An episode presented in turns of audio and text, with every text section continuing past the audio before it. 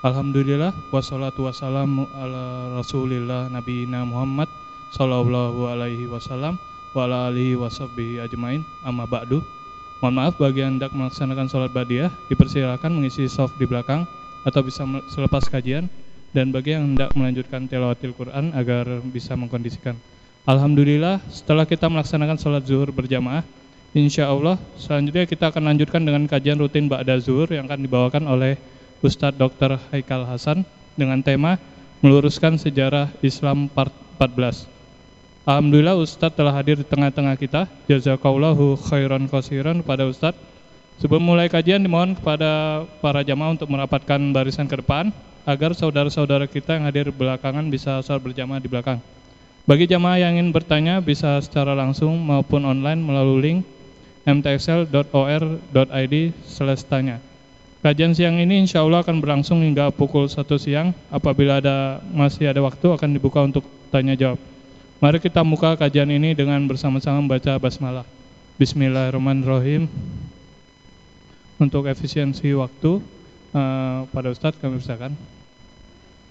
Bismillahirrahmanirrahim. Assalamualaikum warahmatullahi wabarakatuh. Alhamdulillahirabbil alamin. Alhamdulillah ya Allah ya Rabb. Alhamdulillah telah Allah ciptakan kita, telah Allah beri hidayah kepada kita dan telah Allah pilih juga kita di antara waktu-waktu ini masih sempat duduk di majelis ilmu yang dirindu oleh Allah Subhanahu wa taala yang akan disebut nama-nama kita di hari kiamat nanti. Yang akan disebut oleh Allah Subhanahu wa taala kita ini bakal disebut Pak nama-nama kita bakal dipanggil oleh Allah Subhanahu wa taala alhamdulillah summa alhamdulillah Salam serta salawat kepada junjungan kita tercinta, tersayang Nabi kita Muhammad sallallahu alaihi wasallam. Allahumma shalli ala sayyidina Muhammad wa ala ali sayyidina Muhammad. Oh, ini udah ada materinya. Berarti langsung aja dicolok. Udah ada di sini. Alhamdulillahirabbil alamin, materi saya masih ada di laptop ini sehingga bisa langsung kita lanjutin. Excel emang luar biasa. Orangnya boleh, materinya boleh. Di tempat lain aneh udah nggak boleh. Ya, di tempat lain aneh udah nggak boleh. Gawat ini masih terkena terjangkit virus baper atau disabilities thinking. Disabilities itu ya, buat saudara-saudara kita yang kurang kemampuan yang nggak sempurna, disability. Dan orang-orang ini terjangkit disabilities thinking. Kenapa? Karena kenapa dilarang gitu kan? Ada apa dilarang? BUMN coret departemen-departemen coret semua coret. BUMN apalagi. Musuhan. Dan perbankan asuransi coret. Ya. saya heran di Excel. Nggak dicoret-coret heran saya. Yang lain udah nggak boleh pak. Bikin maulid dibatalin. Bikin maulid di kampung di masjid kampung. Nggak boleh. Loh, nggak boleh masuk saya. Nggak boleh Ustaz. Oh, ya udah. Pulang gitu di kampung, masjid kampung. Di Excel sampai sekarang masih boleh aja. Antara dua, kalau nggak boleh jebakan.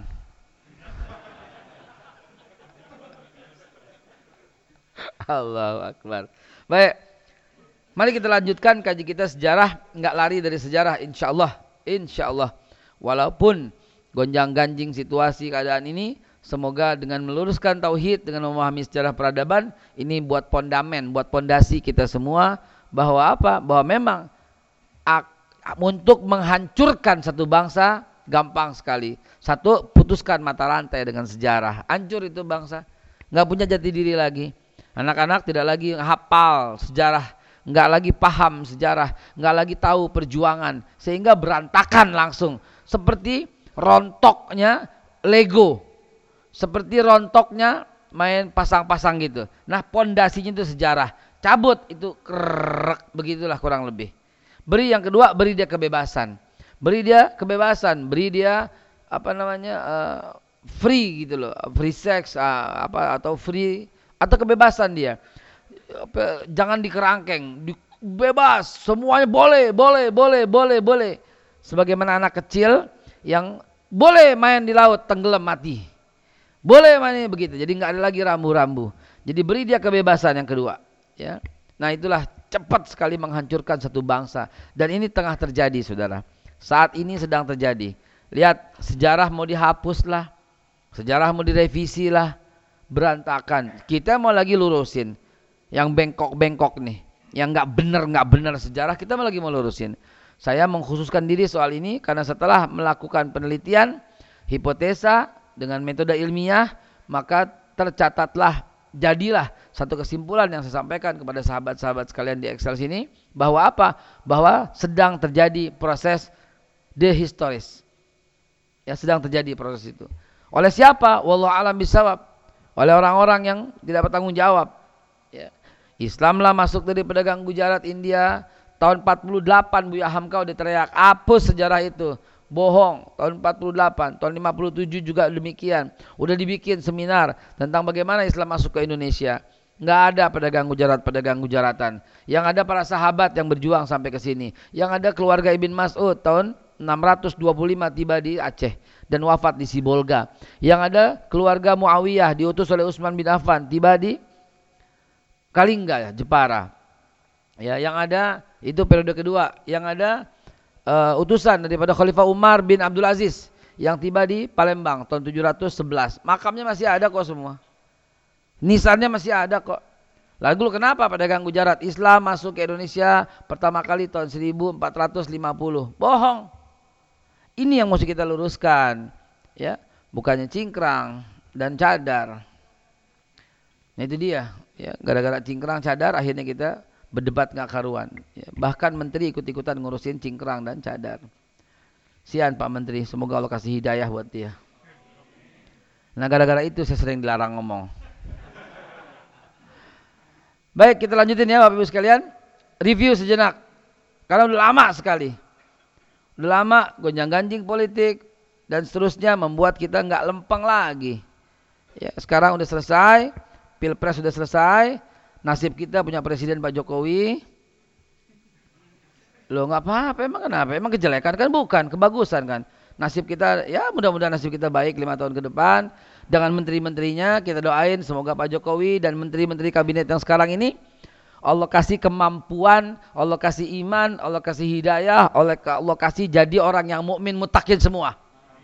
Dan membawa Indonesia ke depan lebih baik. Amin ya Allah ya Rabbal Alamin. Kayaknya nggak ikhlas loh. Enggak ada yang bilang amin. Baik ya, yuk kita lanjutin. Dan jangan putus lagi. Tolong ini di kan ada di laptop ini nih ya. Pada panitia ada di laptop ini. Cetak ngapa? Ya tong. Cetak tong. Cetak bikin poster. Sebarin. Buat yang hadir kasih kasih kasih. Ini materinya. Karena ini materi materi ini nggak kelar selama lima tahun ya lihat kita udah bahas bab satu. Bab satu Islam di zaman Nabi Ibrahim. Dari kalimatnya saja sudah membuat kita oh Nabi Ibrahim beragama Islam gitu loh. Sampai lahirnya agama Yahudi oleh Yudea. Oh Yahudi diciptakan oleh Yudea gitu dong. Dari judulnya saja udah menimbulkan keyakinan bahwa Nabi Ibrahim nggak ada unsur Yahudi maupun Nasrani. Ali Imran 67. Maka na Ibrahim Yahudian wala nasraniyan walakin kana hanifa muslima wa makana minal musyrikin. Kita udah bahas tentang perlawanan Ibrahim kepada Namrud di Babilonia 1922 sebelum Masehi. Perjalanan Nabi Ibrahim mencari Tuhan. Pernikahan Nabi Ibrahim dengan Sarah di Hebron. Peristiwa penghadangan Raja Amr bin Amru. Pernikahan Nabi Ibrahim dengan anak Raja Heksos yang namanya Hajar, bukan budak. Anak Raja Heksos. Ya namanya Siti Hajar kalau kita bilang nggak pakai sitinya sebenarnya hajar aja ya lu hajar dah ya enam suasana rumah Nabi Ibrahim kita udah bahas semua tujuh hijrahnya Nabi Fadl hijrahnya Hajar dan Ismail ke Mekah. Jazakumullah. Terima kasih. Terima kasih. Masya Allah. Kopi babe Haikal. Suasana di Mekah sepeninggalan Nabi Ibrahim. Apa yang terjadi? Kita sudah bahas. Ya. Sembilan, kembalinya Ibrahim ke Hebron. Dan lahirnya Ishak alaihissalatu wassalam. Hajinya Ibrahim bersama dua anaknya. Ismail dan Ishak. Di situlah ada surat Al-Baqarah ayat 132. Apa bunyinya? Ya baniya inna Allah astafa lakumuddin falatamutuna ila wa antum muslimun. Bilangin pak ke anak-anakmu Lawan itu kurikulum yang berkata Ibrahim agamanya tauhid. Lawan. Tidak, tidak, tidak. Ibrahim agamanya Islam. Ya. Al-Baqarah 140 gampar muka kita am takuluna inna Ibrahim wa Ismail wa Ishaq wa Yakub wa Lasbat kanu hudan au nasara kata Allah kalian mengatakan Ibrahim Ismail Ishak Yakub dan seluruh anak cucunya wan nabiyyuna min rabbihim dan semua nabi dari Tuhannya. Kanu hudan au nasara? Ada yang Yahudi atau Nasrani? Antum alami amillah. Kalian yang lebih tahu atau Allah? Inna dina indallahil islam cuma satu agama di Allah itu Islam. Maka dengannya kita berkesimpulan Taurat kitabnya orang Islam yang hidup pada zaman Nabi Musa. Begitu mestinya kurikulum Injil, kitabnya orang Islam yang hidup pada zaman Nabi Isa. Begitu mestinya. Adapun sepeninggalan Nabi Musa, kaum Bani Israel merubah-rubah Taurat jadi Talmud. Itu yang dipegang sama Yahudi sekarang. Adapun sepeninggalan Nabi Isa, mereka mengambil lagi perjanjian baru dikarang oleh Matius, Markus, Lukas, dan Yohanes. Itu yang orang Kristen sekarang pegang. Bukan Injil yang dibawa Nabi Isa. Begitu saudaraku. Ini bukan pelecehan. Bukan menebarkan kebencian. Memang fakta sejarah. Memang itu juga yang dikatakan oleh teman-teman saudara-saudara kita yang beragama Kris, Kristen. Ya. Jadi Ibrahim mewasiatkan itu. Ini udah kita bahas 11. Lahirnya Nabi Yakub. Ya, dan cerita 12 anaknya, Ruben, Simon, Levi, Yahuda, Isakar, Zebulun, Gad, Akhir dan Naftali Yusuf, Benyamin.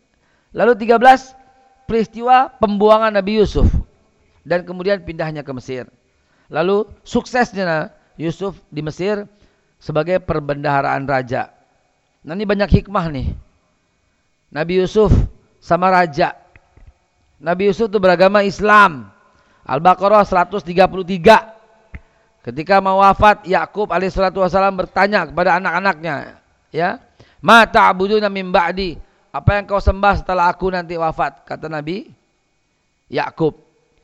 Anak-anaknya 12 orang termasuk Yusuf di dalamnya berkata na'budu ilahaka. Ujungnya wa ana wa nahnu minal muslimin. Muslim kami ayah, jangan khawatir, jangan takut. Kami muslim. Walaupun muslim dan rajanya itu Raja Ramses karena akur Allah kasih kemuliaan. Ini kritik kita kepada pemerintah supaya sampai kepada kabinetnya Pak Jokowi Ya. Kalau umaroknya kompak dengan ulama, pasti negara kuat. Kebalikannya, kalau umaroknya nggak akur sama ulama, pasti negara itu hancur.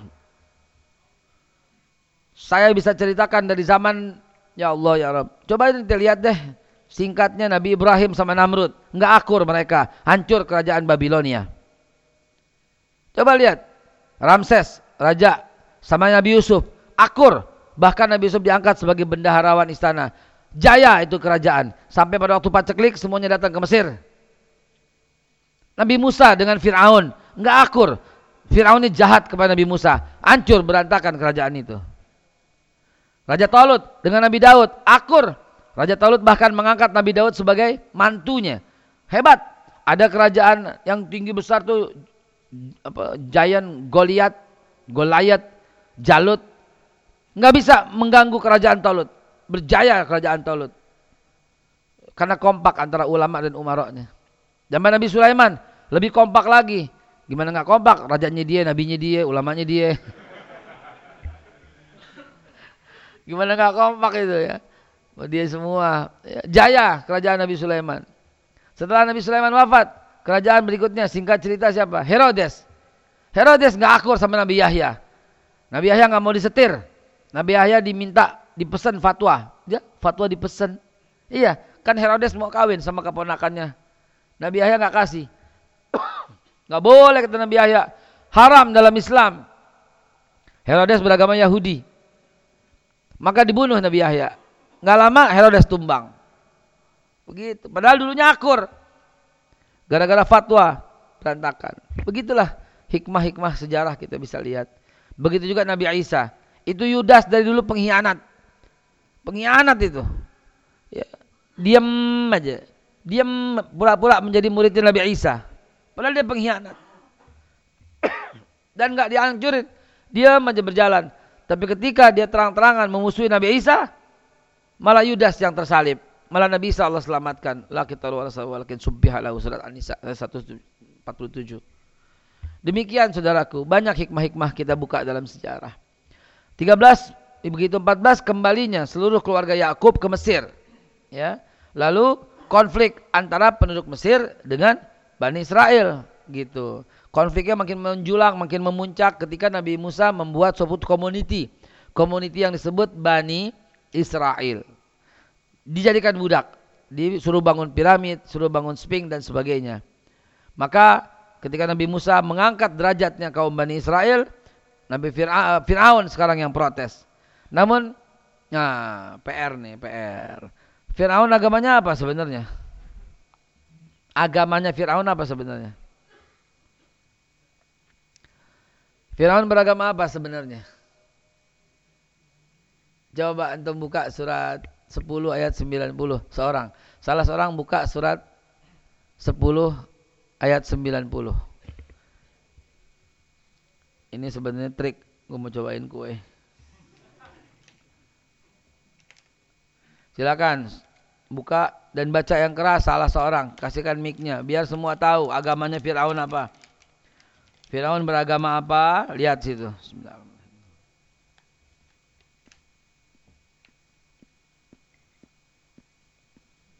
Ya, antum baca. Ilan baca silakan. Dan kami selamatkan Bani Israel melintasi laut, kemudian Fir'aun dan bala tentaranya mengikuti mereka untuk menzolimi dan menindas mereka. Sehingga ketika Fir'aun hampir tenggelam dia berkata, Aku percaya bahwa tidak ada Tuhan melainkan Tuhan yang dipercayai oleh Bani Israel.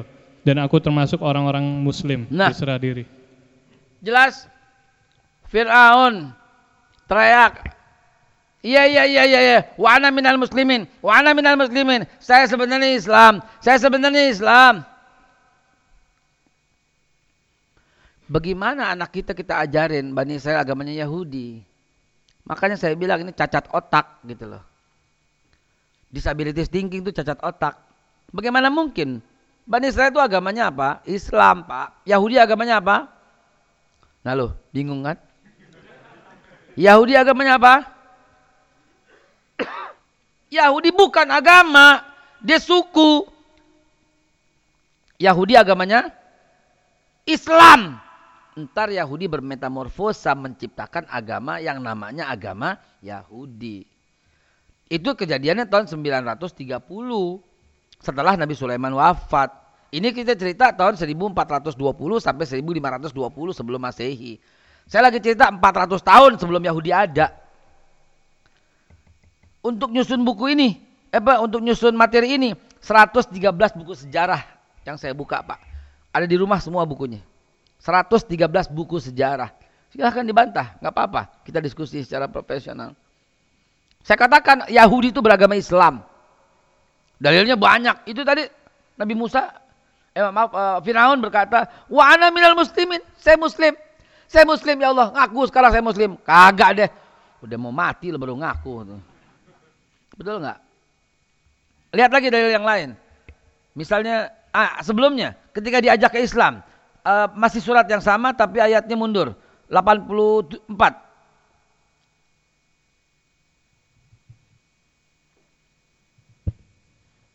Dan Musa berkata, Wahai kaumku, apabila kamu beriman kepada Allah, maka bertawakallah kepadanya. Jika kamu benar-benar orang muslim, berserah diri. Begitu dong. Ini yang perlu diluruskan buat anak-anak kita. Ya bukan ngurusin cingkrang dan cadar. Situ lagi, ntar nggak boleh gue ceramah di mari. Ya Allah ya Rabb. Baik jamaah sekalian, begitulah mestinya kita memberikan ketegasan kepada anak-anak kita. Ya, anak-anakku sayang, Yahudi itu dibuat ya tahun 930 ya nak oleh orang yang bernama Yudea dari suku Yahuda. Suku Yahuda jadi Yahudi. Gitu. Ajak anak-anakmu berangkat.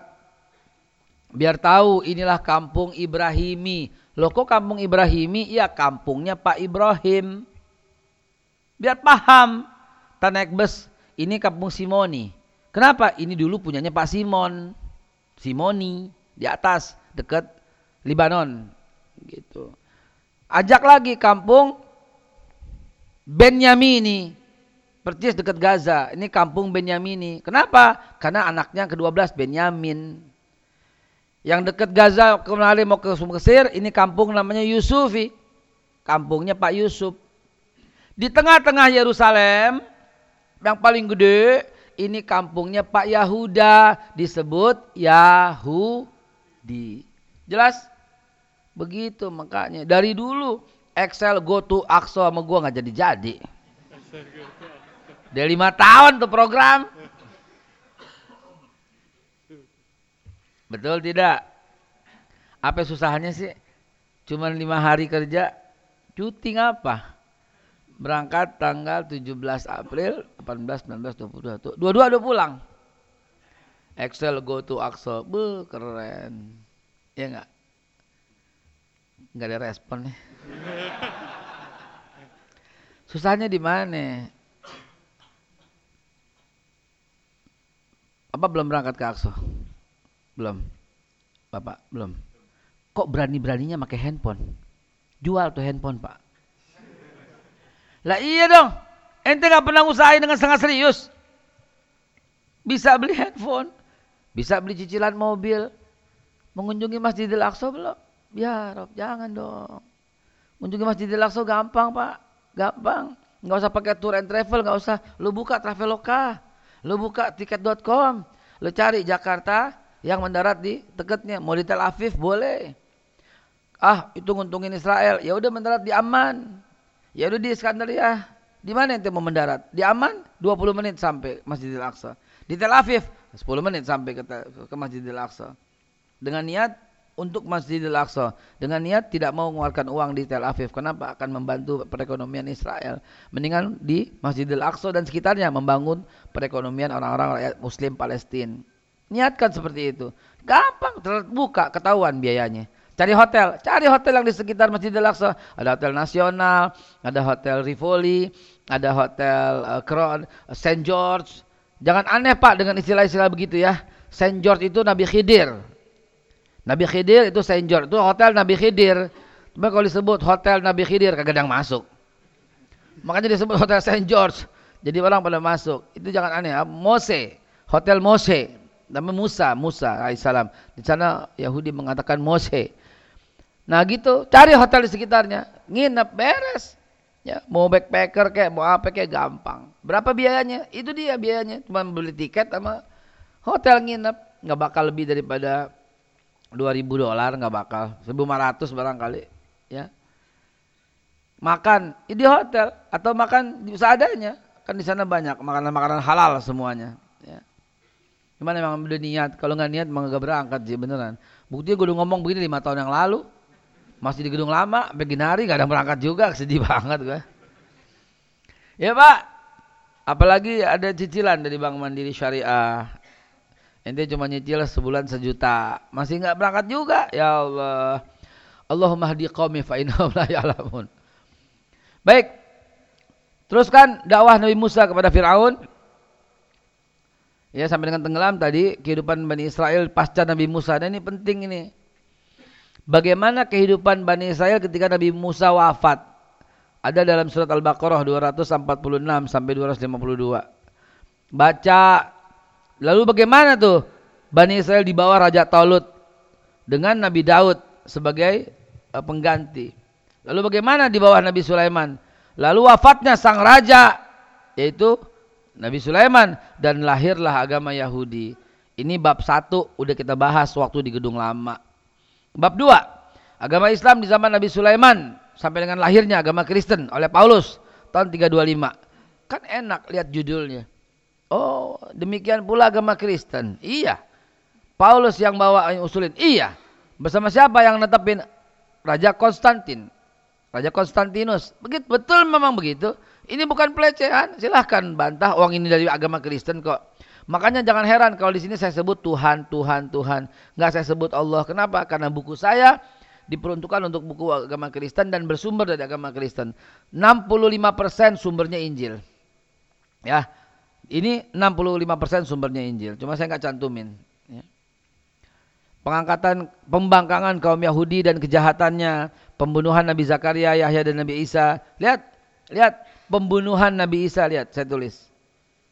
Nauzubillah, summa nauzubillah. Nabi Isa nggak pernah dibunuh. La qitalahu, tak pernah dibunuh. Wala salabuhu, nggak pernah disalib. Walakin subbihalahu, hanya diserupakan. Sementara Nabi Isa yarfa diangkat oleh Allah Subhanahu wa taala. Tapi saya tulis pembunuhan. Kenapa? Karena orang Kristen berkata Nabi Isa disalib, dibunuh untuk penebusan dosa, begitu. Jadi kita hormati saja mereka.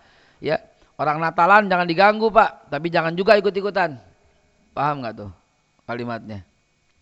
Presiden Jokowi kemarin berkata, ada saya baca di koran Kompas, dan meminta kepada polisi untuk menindak siapa-siapa yang menghalangi perayaan Natal. Sian banget. Emang siapa yang selama ini halangin pak? Eh pak, siapa enggak? Gue ngomong sama dia. Siapa yang selama ini menghalangi? Kenapa tendensi seperti itu? Kenapa menohok dan menyakiti hati umat Islam? Siapa yang ganggu akan kami tindak. Loh, loh, loh. Yang selama ini ganggu siapa? Emang pernah ada yang ganggu tiap tahun rutin diganggu gitu? Kami umat Islam jangan diajarin toleransi pak. Toleransi udah mendarah daging. Kalau umat Islam nggak ngerti toleransi, udah nggak ada umat lain di Indonesia. Betul? 87 persen tapi karena umat Islam jagoan toleransi. Tapi jangan dipaksa-paksa pakai topi santa dong. Niscaya kami nggak akan mengganggu orang yang pakai topi santa. Jangan disuruh ke gereja dong. Niscaya kami nggak akan ganggu orang yang mau ke gereja. Kenapa? Karena haram hukumnya. Bukan karena taat kepada presiden, bukan karena taat pada undang-undang, tapi taat kepada Rasulullah Sallallahu Alaihi Wasallam. Rasulullah mengharamkan mengganggu orang yang ibadah Rasulullah mengharamkan untuk mengganggu dan mencela Tuhan-Tuhan yang lain. Ini udah keputusan. Ada dong, kita udah tahu kan nih dia dalilnya mana dia. Mana dia foto Mekah? Ada nggak di sini foto Mekah? Nih, udah boleh kita bahas kan, ya. Lihat kita udah bahas nih foto Mekah. Coba, indahnya Rasulullah tuh. Kesatuan Islam tanpa mengenal perbedaan pada waktu perjanjian ini dibuat, ini bukan Hudaybiyah, ini piagam Madinah. Ya, Wa'dal Madinah tuh. Pada waktu ini dibuat, Heraklius mengeluarkan pengumuman sebelumnya satu negara tuh agama resminya Kristen. Semua wajib Kristen. Kalau enggak dibunuh atau keluar dari bumi Romawi. Majusi juga bikin peraturan. Harus majusi. Kalau enggak dibunuh atau keluar dari Persia. Tapi Islam mengatakan la ikraha fiddin, tiada paksaan dalam agama. Subhanallah. Dan lihat pasal satu, nggak ada yang bikin begini Pak kecuali Nabi Muhammad zaman dulu. Ini Nabi Muhammad yang buat. Awalin wal akhirin. Makomnya Masya Allah menembus sidratul muntaha. Jibril pun nggak sanggup menembus terbakar Jibril, makamnya nggak sanggup. Nabi Musa mau lihat Allah saja, Bukit Tursina meledak dan terpental Nabi Musa, berkeping-keping hancurnya itu loh. Kalau nggak dilindungi oleh Allah, niscaya tubuh Nabi Musa pun hancur berkeping-keping, sebagaimana hancurnya gunung Tursina pada waktu itu. Kenapa? Nggak sanggup untuk menangkap sang maha energi. Nggak sanggup untuk menangkap dan merekam. Nurun ala nur. Nurun fauqa nur. Nurus samawati wal ard. Nggak sanggup direkam oleh kapasitas otak manusia begini. Nggak sanggup tuh. Nggak sanggup manusia tuh begitu. Kecuali dimensi yang kuat. Dan satu-satunya makhluk yang sanggup cuma satu. Nabi Muhammad Sallallahu Alaihi Wasallam. Mau disamain sama Soekarno. Ya. Capek deh gue dah. Betul? Makanya kita marah dan tersinggung. Lihat orang-orang bodoh yang coba bandingkan manusia Nabi dengan manusia biasa. Makanya kita kesinggung kalau Nabi dibilang gak keurus sama kakeknya. Yang gak keurus tuh lu. Nabi mah keurus gitu loh. Kita kesinggung. Nabi mulia gak seperti itu. Ya. Waktu nyusu, nyusu dengan Halimatus Sa'diyah, Nabi hanya mau yang kanan. Yang kiri dikasih nggak mau. Kenapa? Karena pada saat yang sama Halimatus Sa'diyah juga punya anak. Tuh dari orok aja nggak mau makan hak orang. Bagaimana coba? Waktu kecil Nabi nggak pernah ngambil makanan di tempat Abdul Muthalib. Kenapa? Tahu diri. Abu Talib tahu diri, bukan anak, ponakan. Abu Talib yang berkata tidak boleh sentuh susu kambing ini sebelum Muhammad minum lebih dulu. Saking sayangnya lebih daripada anak-anaknya Abu Talib sendiri. Begitu dong. Ini nggak paham agama nyerocos aja sih. Persamaan hak dan kewajiban. Gotong royong. Tuh lihat. Kompak dalam menentukan hubungan orang musuh umat. Membangun masyarakat yang sistem sebaik-baiknya. Melawan orang yang musuh agama. Yang negara. Ya. Melindungi setiap orang yang hidup berdampingan dengan kaum muslimin. Tidak boleh berbuat zalim dan aniaya terhadapnya. Umat yang di luar Islam. Lihat nomor 8. Bebas melaksanakan agamanya. Mereka tidak boleh diganggu, mereka tidak boleh dipaksa masuk Islam, tidak boleh diganggu hartanya dan semuanya. Tuh, lihat tuh Undang-Undang Madinah nomor 8. Diajarin nggak di SD? SMP? SMA? Kuliah? Ini Pak yang mesti dimasukin kurikulum. Cingkrang. Cadar. Ini yang mesti masuk kurikulum. Biar orang tahu indahnya Islam luar biasa. Peranglah mau dihapus. Ada keributan di belakang kenapa ya? Narasinya itu loh. Bukannya perang, penyerangan dan itu udah bahas itu berkali-kali. Nabi nggak pernah perang Badar, yang ada penyerangan Badar. Nabi nggak pernah perang Uhud, yang ada penyerangan Uhud. Nabi nggak pernah ada perang Khandak yang ada penyerangan Khandak. Gitu, Pak. Beda kalimatnya. Narasinya yang mesti dibikin lebih elegan gitu. Ala kulihal kita lanjutin sampai pembangkangan. Ya. Nah ini dia e, suasana jazirah Arab di bawah ketika Yahudi berkuasa kayak apa. Biar dapat gambaran kenapa timbulnya agama Kristen.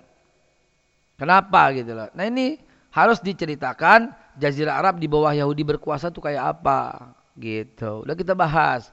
Flashback perebutan udah pada waktu di gedung lama bangsa Assyria saya udah ceritain gimana dia ngambil Aqsa. Lalu bangsa Babilonia dia ngambil. Lalu Nebukadnezar dari Baghdad tuh ya, ya mengambil. Lalu raja bangsa Persia ngambil. Lalu raja, raja Zerubabel ngambil. Lalu Makedonia, lalu Seleucus, lalu Herodes ngambil.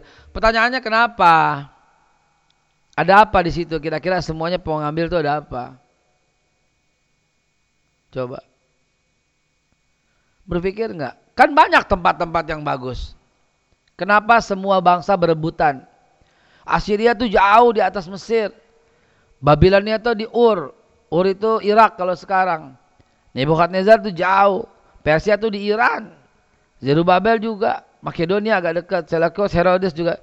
Coba, kenapa semua bangsa mau mau merebut Masjidil Aqsa? Sampai detik ini menjadi titik perebutan antara kaum muslimin dan kaum Yahudi dan juga kaum Nasrani. Dianggap kota suci tiga agama. Kenapa? Berangkatlah ke sana Pak agar tahu. Excel go to Aqsa. 2082 kali ya. Ya habis nggak berangkat-berangkat bagaimana? Lahirnya Nabi Isa di dataran rendah dan musim panas. Ya, ini harus saya garis bawahi. Karena dalilnya surat Maryam. Waskur fil kitab Maryam izin tabazat min ahliya makanan syarqiyya. Itu di sebelah timur. dataran rendah dan musim panas. Jadi nggak ada ketika Nabi Isa itu salju nggak ada. Itu bukan Nabi Isa tapi center class. Dakwah Nabi Isa diangkat ya dakwah Nabi Isa sampai dengan diangkatnya oleh Allah Subhanahu wa taala. Datang tuh sama saya tuh enak banget itu. Ya, datang ini loh tempat Nabi Isa Mi'raj. Dan nggak kembali. Gitu. Kalau Nabi Muhammad Isra dan Mi'raj kembali turun. Nabi Isa nggak kembali, ada tapaknya. Tapaknya nggak sembarangan orang boleh masuk, ada jam-jam tertentu dan dijaga. Ada tapaknya Nabi Isa terakhir. Ketika dia disudutkan oleh Yudas Iskariot, ketika kemudian Allah angkat dan Allah serupakan, ketika Yudas kemudian disalib, Nabi Isa-nya diangkat oleh Allah, nah di situ ada sebuah tempat. Saya tahu tempatnya, makanya pengen ngajak semua orang Islam tuh ke sana tuh kayak gitu. Sekarang dengan keterbatasan waktu hanya mampu berangkat setiap bulan genap. Bulan 2, bulan 4, bulan 6, bulan 8 gitu. Setiap ya, kenapa? Karena pesawatnya serinya genap gitu ya. Genap ganjil ya. Enggak, saya setting waktu begitu. Saya berangkat bulan Februari tanggal 17. Kita berangkat lagi bulan April, berangkat lagi bulan Juni, berangkat lagi bulan Agustus, bulan 8, bulan Oktober dan bulan 12 begitu. Nah, ini 17 April masih keburu. Eh apa 17 Februari masih keburu. Silakan, silakan. Kayaknya April enggak deh, Februari aja deh. Karena April puasa ya. Aus, Bu. Ya. Baik, ya. Kemudian lahirnya gerakan Freemason dan Illuminati. Oh, udah kita bahas tuntas. Bahkan ternyata di seluruh Indonesia Garut adalah kota Illuminati. Ya, Garut kota Illuminati. Menjadi pusat. Gak percaya? Ntar. Udah pernah kok. Udah pernah di sini. Mungkin lupa. Masih ada materinya nanti. Yerusalem jatuh berganti-ganti oleh bangsa Romawi tahun 70, oleh bangsa Yahudi pemberontakan revolusi Bar Kokhba tahun 132, oleh Kaisar Hadrian, lalu awal mula Bizantium, penguasaan Raja Konstantin, peristiwa konsesi muktamar besar di Nisea, ya dan mengangkat Nabi Isa sebagai Tuhan, diangkat oleh Konstantinus, ditetapkan oleh kerajaan, diusulkan oleh Paulus dan direstui oleh Ratu Helena, ibunda daripada Konstantinus. Inilah yang sudah kita bahas sampai suasana Ka'bah, pernikahan Nabi, suasana semua. Ini sudah kita bahas dan yang saya gunakan kesempatan ini agar tertib review Januari yang akan datang. Semoga saya masih diizinkan. Kita lanjutin sampai bab 4 gitu. Ini udah kita bahas. Bab 4 Islam di zaman Nabi Muhammad ada di tengah umat Islam. Itulah masa terbaik.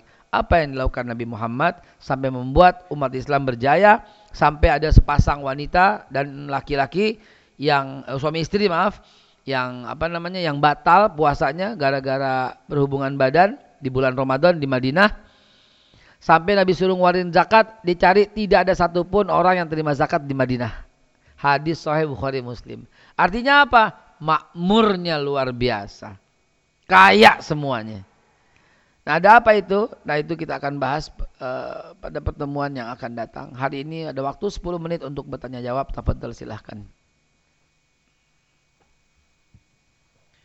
Langsung boleh, melalui itu boleh. Ya. Uh, jazakumullah jazakumullah khairan kepada Ustadz uh, karena kita masih ada waktu uh, kita buka sesi tanya jawab dari jamaah apakah ada pertanyaan?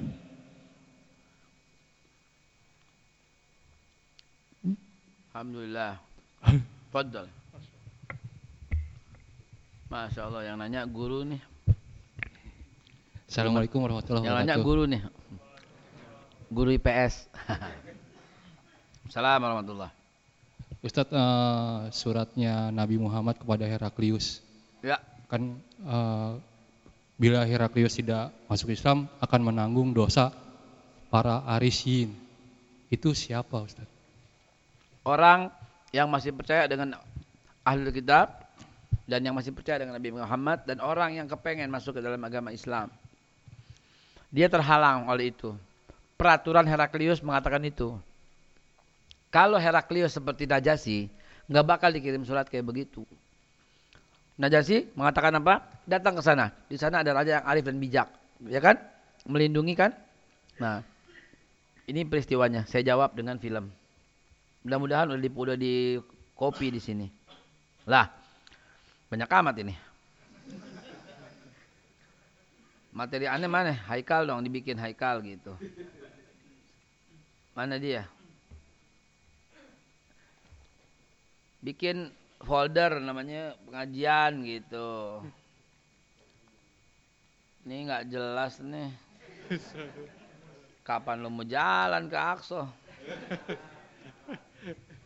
Kena lagi, kena lagi. Ya, iya. Beli laptop bisa, cicil mobil bisa. Gimana ceritanya antum? Masya Allah. Gak apa-apa. Saya masih optimis. Excel Go to Akso 2030. Udah pada tua kita. Bentar saya ambil materinya sekalian saya kopiin. Mana lagi tuh materi ngumpet? Ah, dia. Saya jawab Pak dengan materi langsung. Bismillah.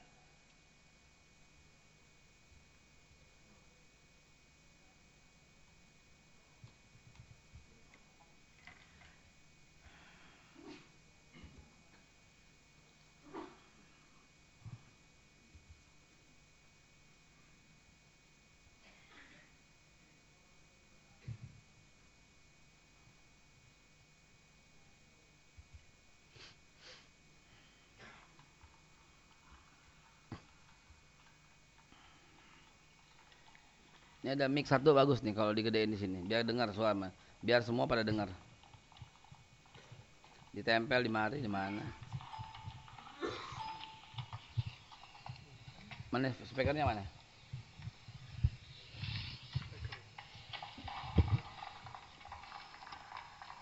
Ini kali.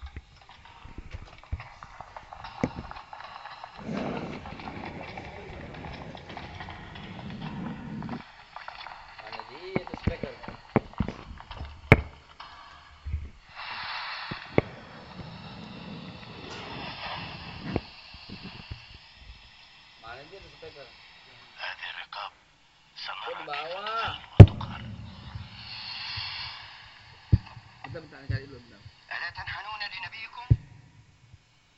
نحن لا نركع لغير الله وحده محمد علمنا أنه عبد الله. رسول الله أين هي معجزاته يا جعفر؟ هل يرقى إلى السماء؟ هل مشى فوق الماء؟ هل شفى المرضى أو وهب العميان البصر؟ هل أحيا الموتى؟ أين هي معجزاته يا جعفر؟ هذا صحيح لابد للأنبياء من معجزات ليعرف الناس أنهم مرسلون من عند الله معجزة محمد Kepada penanya, tolong perhatikan. كلمات Nabi nggak ngirim surat sama dia. Nabi tahu dia orang yang baik, sehingga Nabi cuma kirim utusan. Insya Allah kamu akan selamat di sana, diterima oleh raja yang baik. Heraklius ada kemungkinan menolak, maka Nabi bilang, lo akan tanggung dosa. Di mana Nabi mengancam? Enggak. Kalau enggak, saya bunuh. Enggak. Ada orang-orang baik di negaramu yang akan memeluk kepada agama Islam, tapi kan kamu larang. Maka kau akan menanggung dosa itu. Lihat raja ini. أمي ودعاها على الله هل يرى ملك الملوك لهم حجة بعدما سمع ولكني أعرف أن الله أرسل من عليائه ألسنة نار على رؤوس الحواريين ليتسنى لهم التحدث بلغات العالم العديدة والتي لم يكونوا يعرفونها قبل ذلك ولكني أسأل هل يمكن أن تقع معجزة كهذه في أيامنا سمعت ما يكفي حجتكم ضعيفة Hujjatukum dhaifah. Argumenmu apa? Hujahmu lemah.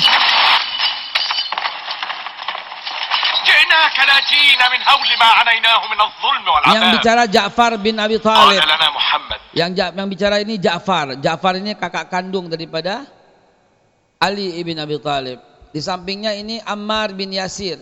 Ammar bin Yasir adalah yang keluarganya terbunuh wafat. Ini di bagian ini adalah orang-orang yang lemah yang akan dibunuh ya apabila tidak masuk ke dalam agama uh, mereka kafir Quraisy ya. Ya uh, musyrik. Ila. فإن فإن بها ملكا لا يظلم عنده أحد ما يسمونه الظلم هو العقاب العادل لهؤلاء Yang bicara barusan adalah Amr bin As. Amr bin As adalah utusan daripada Abu Sufyan. Dia diutus kenapa? Karena Abu Amr bin As ini kerabat daripada Raja Habasyah di Ethiopia. Habasyah ini Ethiopia. Ya. Nah, diutus supaya untuk menggagalkan, supaya jangan mau terima, balikin, balikin, balikin ke tempat kami di Mekah seperti itu. Tapi ada negosiasi. Lihat, Amr bin As adalah orang yang utusan dan ini adalah lobby-lobby politik supaya umat Islam tidak dapat perlindungan dari negara orang. لماذا أرسلكم إلي محمد لأنك من أهل الكتاب إيمانك بالله يلهمك حمايتنا أرأيت أيها الملك حديثهم كسراب يحسبه الظمآن ماء. لقد ألزموني الحجة. لا مناص من الإصغاء إليهم يا صديقي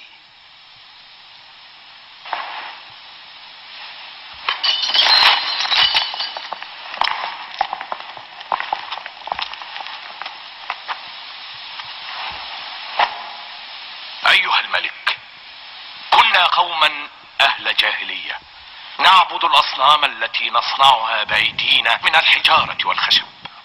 نأكل الميتة ونأتي. الفواحش ونقطع الأرحام ونسيء الجوار. ويأكل القوي منا الضعيف.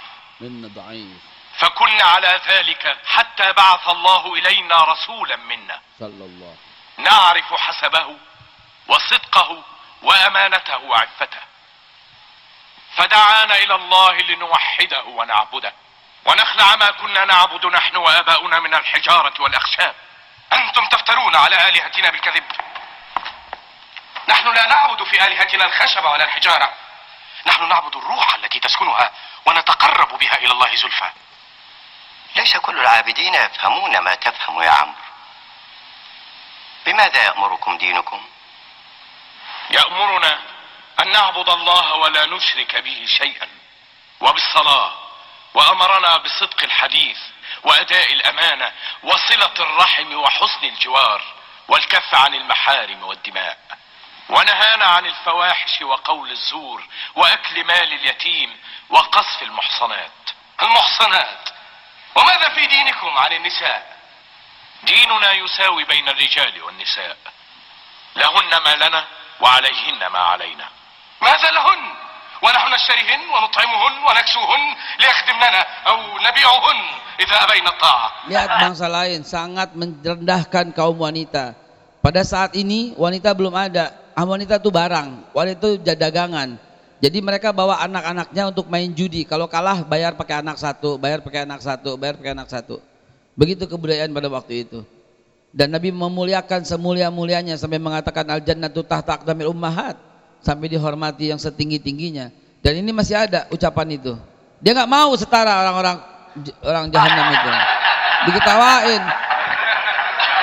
أتمتهن المرأة التي حملتك في بطنها Bagaimana dengan خلقا ibumu من بعد yang sudah خلق merawatmu sejak kecil? وأرضعتك طفلا Apakah sejajar pada وسيرت عليك sampai احتملتك kamu أسدك dewasa? يا عمرو لماذا قرست آلهتك العديدة يا عمرو هل أفحمها ربهم الواحد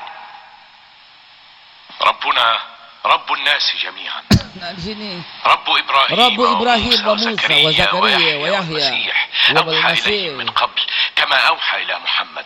لا نفرق بين أحد من رسله. la nufarriqu baina من minhum. علمكم كل هذه الأسماء. القرآن. yang ngajarin. الذي نزل على محمد. محمد. عرفناه يتيما يرعى الغنم. والمسيح كان نجارا في أرض الجليل. الحق الحق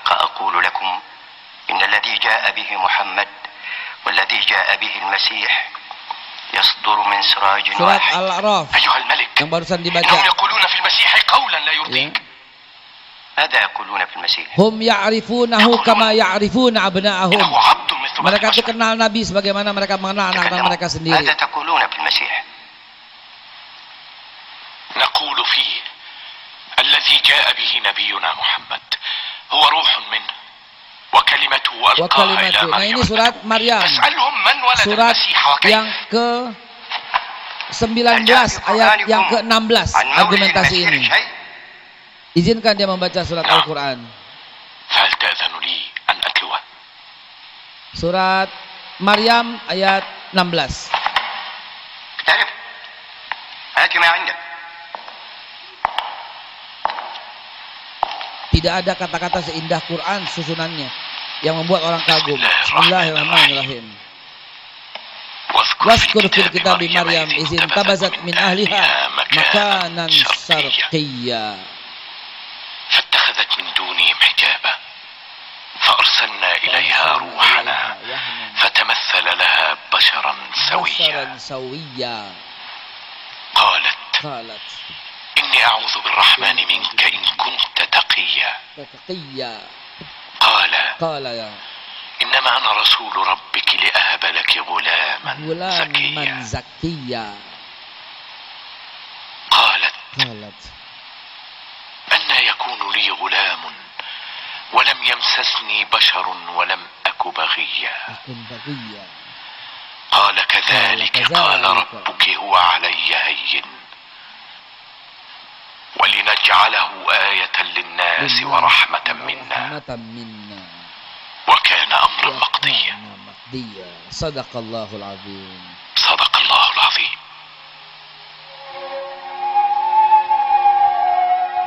Saya setelah ini masuk Islam Amr bin As dan masuk Islam Raja Habasyah dan disertai oleh pendeta-pendetanya semua karena mereka berkata ini yang kami nantikan yang kau katakan itu bukan firman orang tapi yang kau katakan itu adalah firman Allah Subhanahu wa taala demikian saudaraku ya masih panjang perjalanan sejarah kita waktu sudah pukul 1 insya Allah Allah Subhanahu wa taala lanjutkan ya dan kita akan terus berlanjut jangan putus materi sejarah ini karena penting sekali buat anak-anak kita. Hadanallahu wa ajmain. Terima kasih pertanyaannya. Assalamualaikum warahmatullahi wabarakatuh. Alhamdulillah. Karena waktu telah menunjukkan pukul 1 siang, mari kita cukupkan kajian hari ini. Kita tutup dengan doa kafaratul majelis. Subhanakallahumma wa bihamdika asyhadu alla ilaha illa anta astaghfiruka wa atubu ilaik. Wassalamualaikum warahmatullahi wabarakatuh.